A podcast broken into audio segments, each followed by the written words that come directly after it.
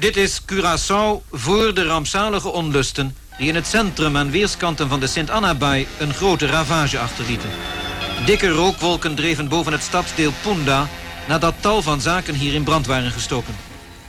Ja, aanstaande donderdag is het precies 50 jaar geleden dat op Curaçao een staking tegen Shell uitliep op een volksopstand die Wilmstad in puin legde. 30 mei 1969. 30 de mei. Uh, in het papiaments wordt die opstand genoemd. En die opstand heeft de relatie tussen Nederland en de Antillen voorgoed veranderd. Ja, en bij ons zit oud-politicus en voorzitter van het overleg, overlegorgaan Caribische Nederlanders, John Leerdam. En John, welkom. En het toeval wil laten we maar zeggen voor het gemak even, dat jij erbij was. Je was nog niet zo heel groot, maar je was erbij. Vertel ja, ik was, ik was erbij, ik was er zeker bij. Uh, mijn vader was uh, toen de tijd uh, hoofdinstructeur van de politie... en ook uh, hoofd van de geuniformeerde diensten, zoals dat heel netjes heet. Ja, ja, hij was niet een van de stakers. Hij was niet een van de stakers. Hij was wel uh, de oprichter van de politievakbond. Dus zijn vrienden die regelmatig bij ons thuis kwamen... die waren degene die de staking onder andere ook hadden georganiseerd. En um, ik zat op een uh, protestants-christelijke school... Wat 95% zou het in Nederland zouden dat een witte school noemen. En de stakers die liepen daar langs. Dus wij heb, zaten in de klas, ik was acht jaar oud... Um, en wij zagen al die hele menigte, die liep langs. En wij waren helemaal een soort state of shock als kinderen. En toen vervolgens werd onze juffrouw, juffrouw Hel heette ze ook nog eens een keer, een Nederlandse juffrouw. Uh, hel of Heil? Hel, Hel. hel. Ja, het, was, het was al mooi genoeg, Paul. maar ze, eh, een schitterend mens, trouwens. Maar zij werd weggeroepen en toen... Uh, vervolgens kwam ze terug de klas in en helemaal huilend overstuur... want haar auto eh, die voor de deur stond van de school... die werd omgekanteld en in brand gestoken. En, ehm, en toen begonnen wij dus ook te huilen in de klas. Want we dachten, oh god, als, ja, ik weet toch dat ik dacht... als dit maar goed gaat. Ja. En toen, vlak daarna, werd ik opgehaald door twee agenten. Uh, mijn zus en ik. En wij werden naar huis gebracht, er werd niks gezegd. En we werden gewoon thuis gedropt. En, um, ja, en dan begint eigenlijk de ellende als jongetje van acht... dat je denkt, is mijn vader nog wel levend. Want je, je hoorde op de radio allerlei berichten... Dat, uh, dat er een dode was gevallen en dan er was nog een dode gevallen. En, en dat werd steeds heftiger. En ik weet dat we helemaal in een soort zilte door de raam zaten te kijken... van wie komt nou thuis, of wie, mijn moeder kwam thuis... mijn andere zussen kwamen thuis, maar mijn vader kwam niet thuis. Ja. En, en de school hield ook helemaal op een tijdje? Of? Ja, de school is twee dagen dichtgegaan. Um, ze konden niet meer naar school. En dat heeft best wel impact gehad ja. op, op je, Waar ik wel benieuwd naar ben, is je vader was hoofd van de politie, zei je net. Ja. En vrienden waren bij de vakbond. Ja. Hoe was dat voor hem? Want hij moest op een gegeven moment op zijn, tegen zijn eigen mensen gaan optreden en op ze in laten slaan. Hoe, heeft hij nou ooit iets moppen die je hoort? Merk je nou, wat wij wel merkten, vroeger, mijn vader had uh, gewoond om altijd thuis te vertellen tijdens het uh, uh, middageten, was het dan, eten we, aten wij warm, na school. Vertelde mijn vader altijd verhalen over wat hij nu had meegemaakt op bepaalde zaken. En um, wij merkten, um, toen ik terug ging denken, merkte ik wel dat mijn vader zich steeds meer terugtrok. En hij niets meer vertelde. En na, na die 30ste mei? Na die 30ste mei. En toen, het enige wat ik weet... is dat mijn vader toen op een gegeven moment een benoeming kreeg... Uh, op een ander eiland. Dus hij moest naar Sint Maarten en naar Saba. Ja, dat is een flink weg. Ja, ja. en um, dat heeft ook impact gehad op ons. En pas toen ik op een gegeven moment op de middelbare school zat... heb ik hem de vraag gesteld wat dat met hem heeft gedaan. En toen werd hij heel emotioneel. Ja. En? en hij vertelde niks. Hij zei, het is, ik kan het nog nu niet over hebben met jou.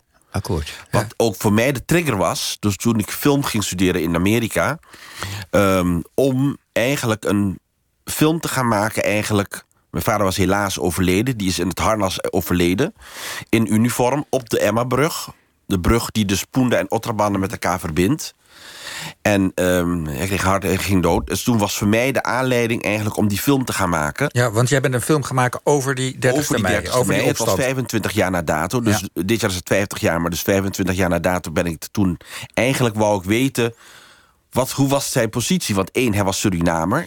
En hij was, um, dus hij was niet van Curaçao, hij was Surinamer. Hij, zat, hij werkte bij een instelling dat vooral heel veel witte mensen in de top waren. En hij was daar één van. Dus hij maakte deel uit. Hoe, hoe is het eigenlijk met het hele machtspositie...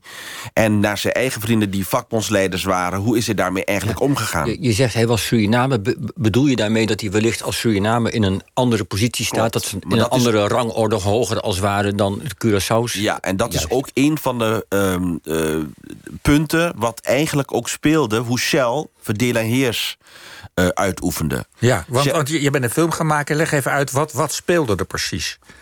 Nou, ik wil weten, ehm, wat betekende dat als hij... want zijn, zijn vrienden, die waren ook Surinamers... Ja. en die zaten wel, die waren de vakbondsleiders. En die namen het op voor de arbeiders. Ja.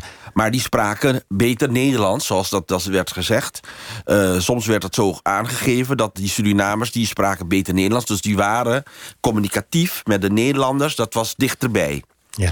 De Paul- spraken ja. Papiaments, of de Arubanen of de Bonaireanen... die spraken Papiaments.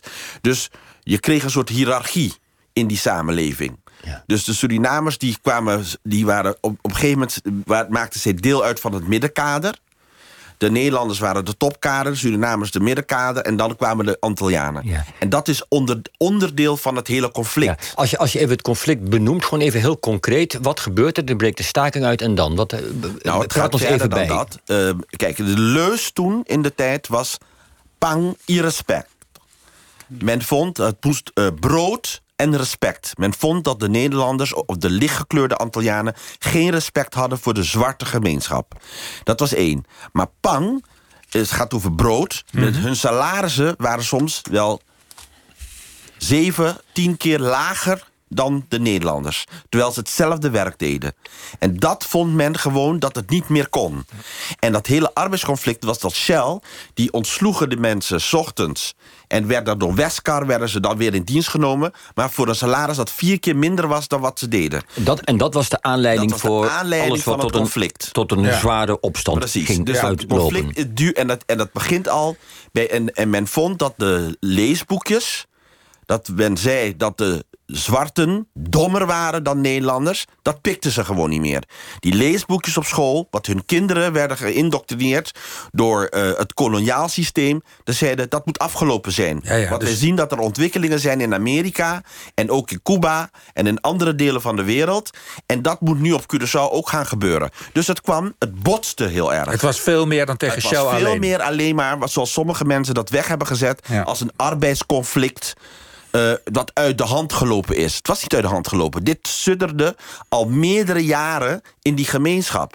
En het ontplofte wat, wat een arbeidsconflict leek...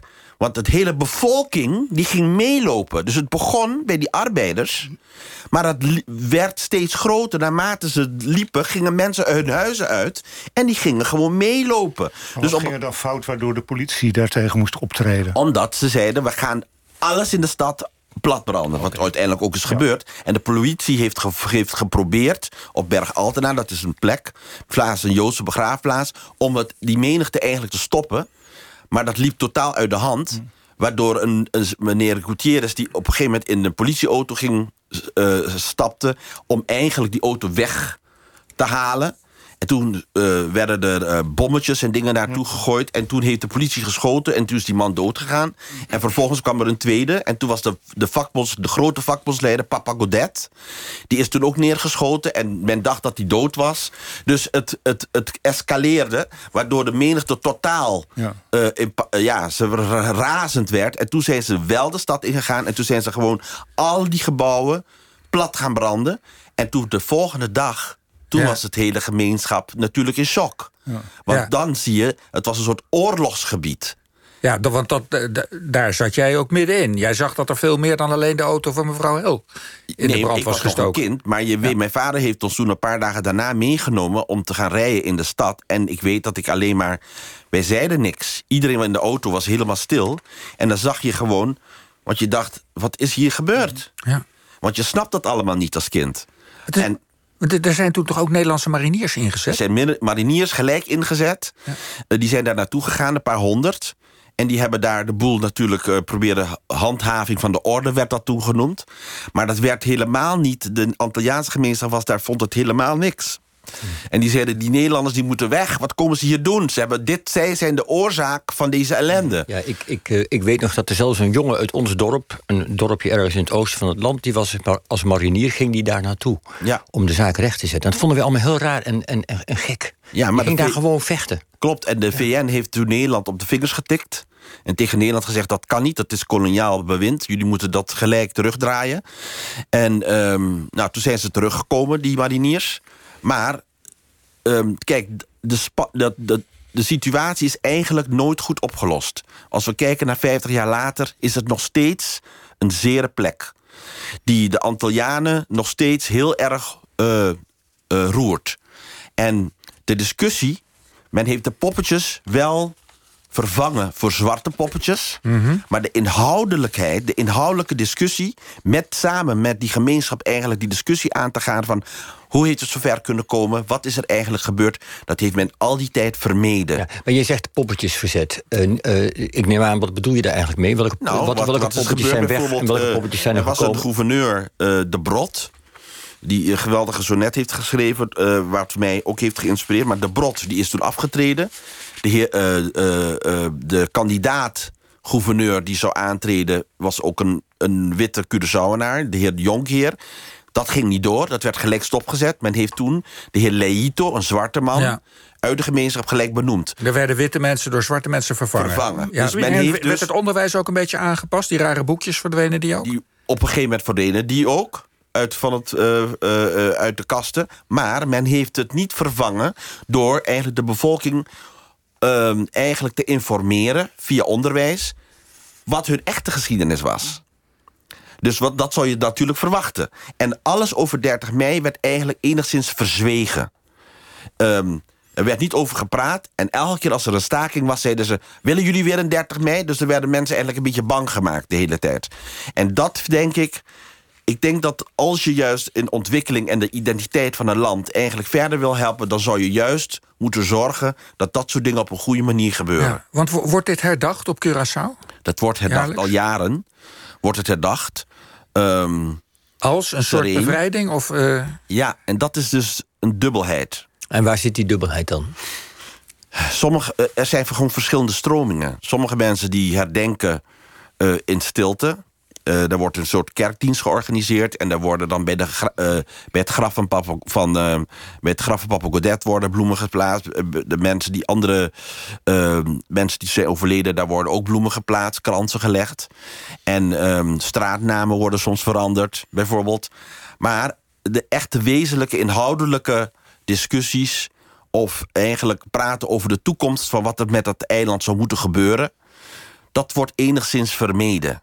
Omdat het eigenlijk men vindt dat het te pijnlijk is, nog steeds. En ik denk dat het, het tijd is nu na 50 jaar dat we die kentering moeten gaan maken. Maar wat zou dan de kentering moeten zijn? Nou, ik vind dat we daar eh, het volk goed moeten onderwijzen. Dat we gewoon deze discussies, maar ook deze film... bijvoorbeeld dat we dat wat zijn beelden die, die we van de NOS ooit hebben gekregen... Die, eh, wat men nooit heeft, eerder heeft gezien... dat die film gewoon een aanleiding zou moeten zijn... om er met elkaar over te gaan praten. ja, jouw Over de- film van 25 jaar geleden. Bijvoorbeeld, maar ook mogen mogen ook andere dingen zijn. Maar ik denk dat we met elkaar de discussie aan moeten gaan... en moeten na gaan denken over wat willen we binnen het Koninkrijk... hoe gaan we met elkaar om. Maar dat geldt zowel hier, maar ook de Nederlanders... die weten er bijna niks van. Ja. Dus het, moet, het, is, het is een plicht, vind ik, dat ook in Nederland... maar ook op de eilanden, dat daar openlijk erover moet worden gepraat... en dat we een toekomstvisie met elkaar gaan ontwikkelen. Goed. John, die film van jou is de komende tijd op allerlei plaatsen te zien, hè? Ja. Kan je er een paar noemen? Nou, in Den Haag, in Ja? het Haags Filmhuis op 29e. In eh, Amsterdam op eh, 3 juni, 7 juni ook in Amsterdam in ons Suriname. En op 2 juli eh, bij Rialto. Goed. Grito di un pueblo. Ik hoop dat ik het goed heb uitgesproken. John Leerdam, hartelijk bedankt voor je Graag komst. gedaan.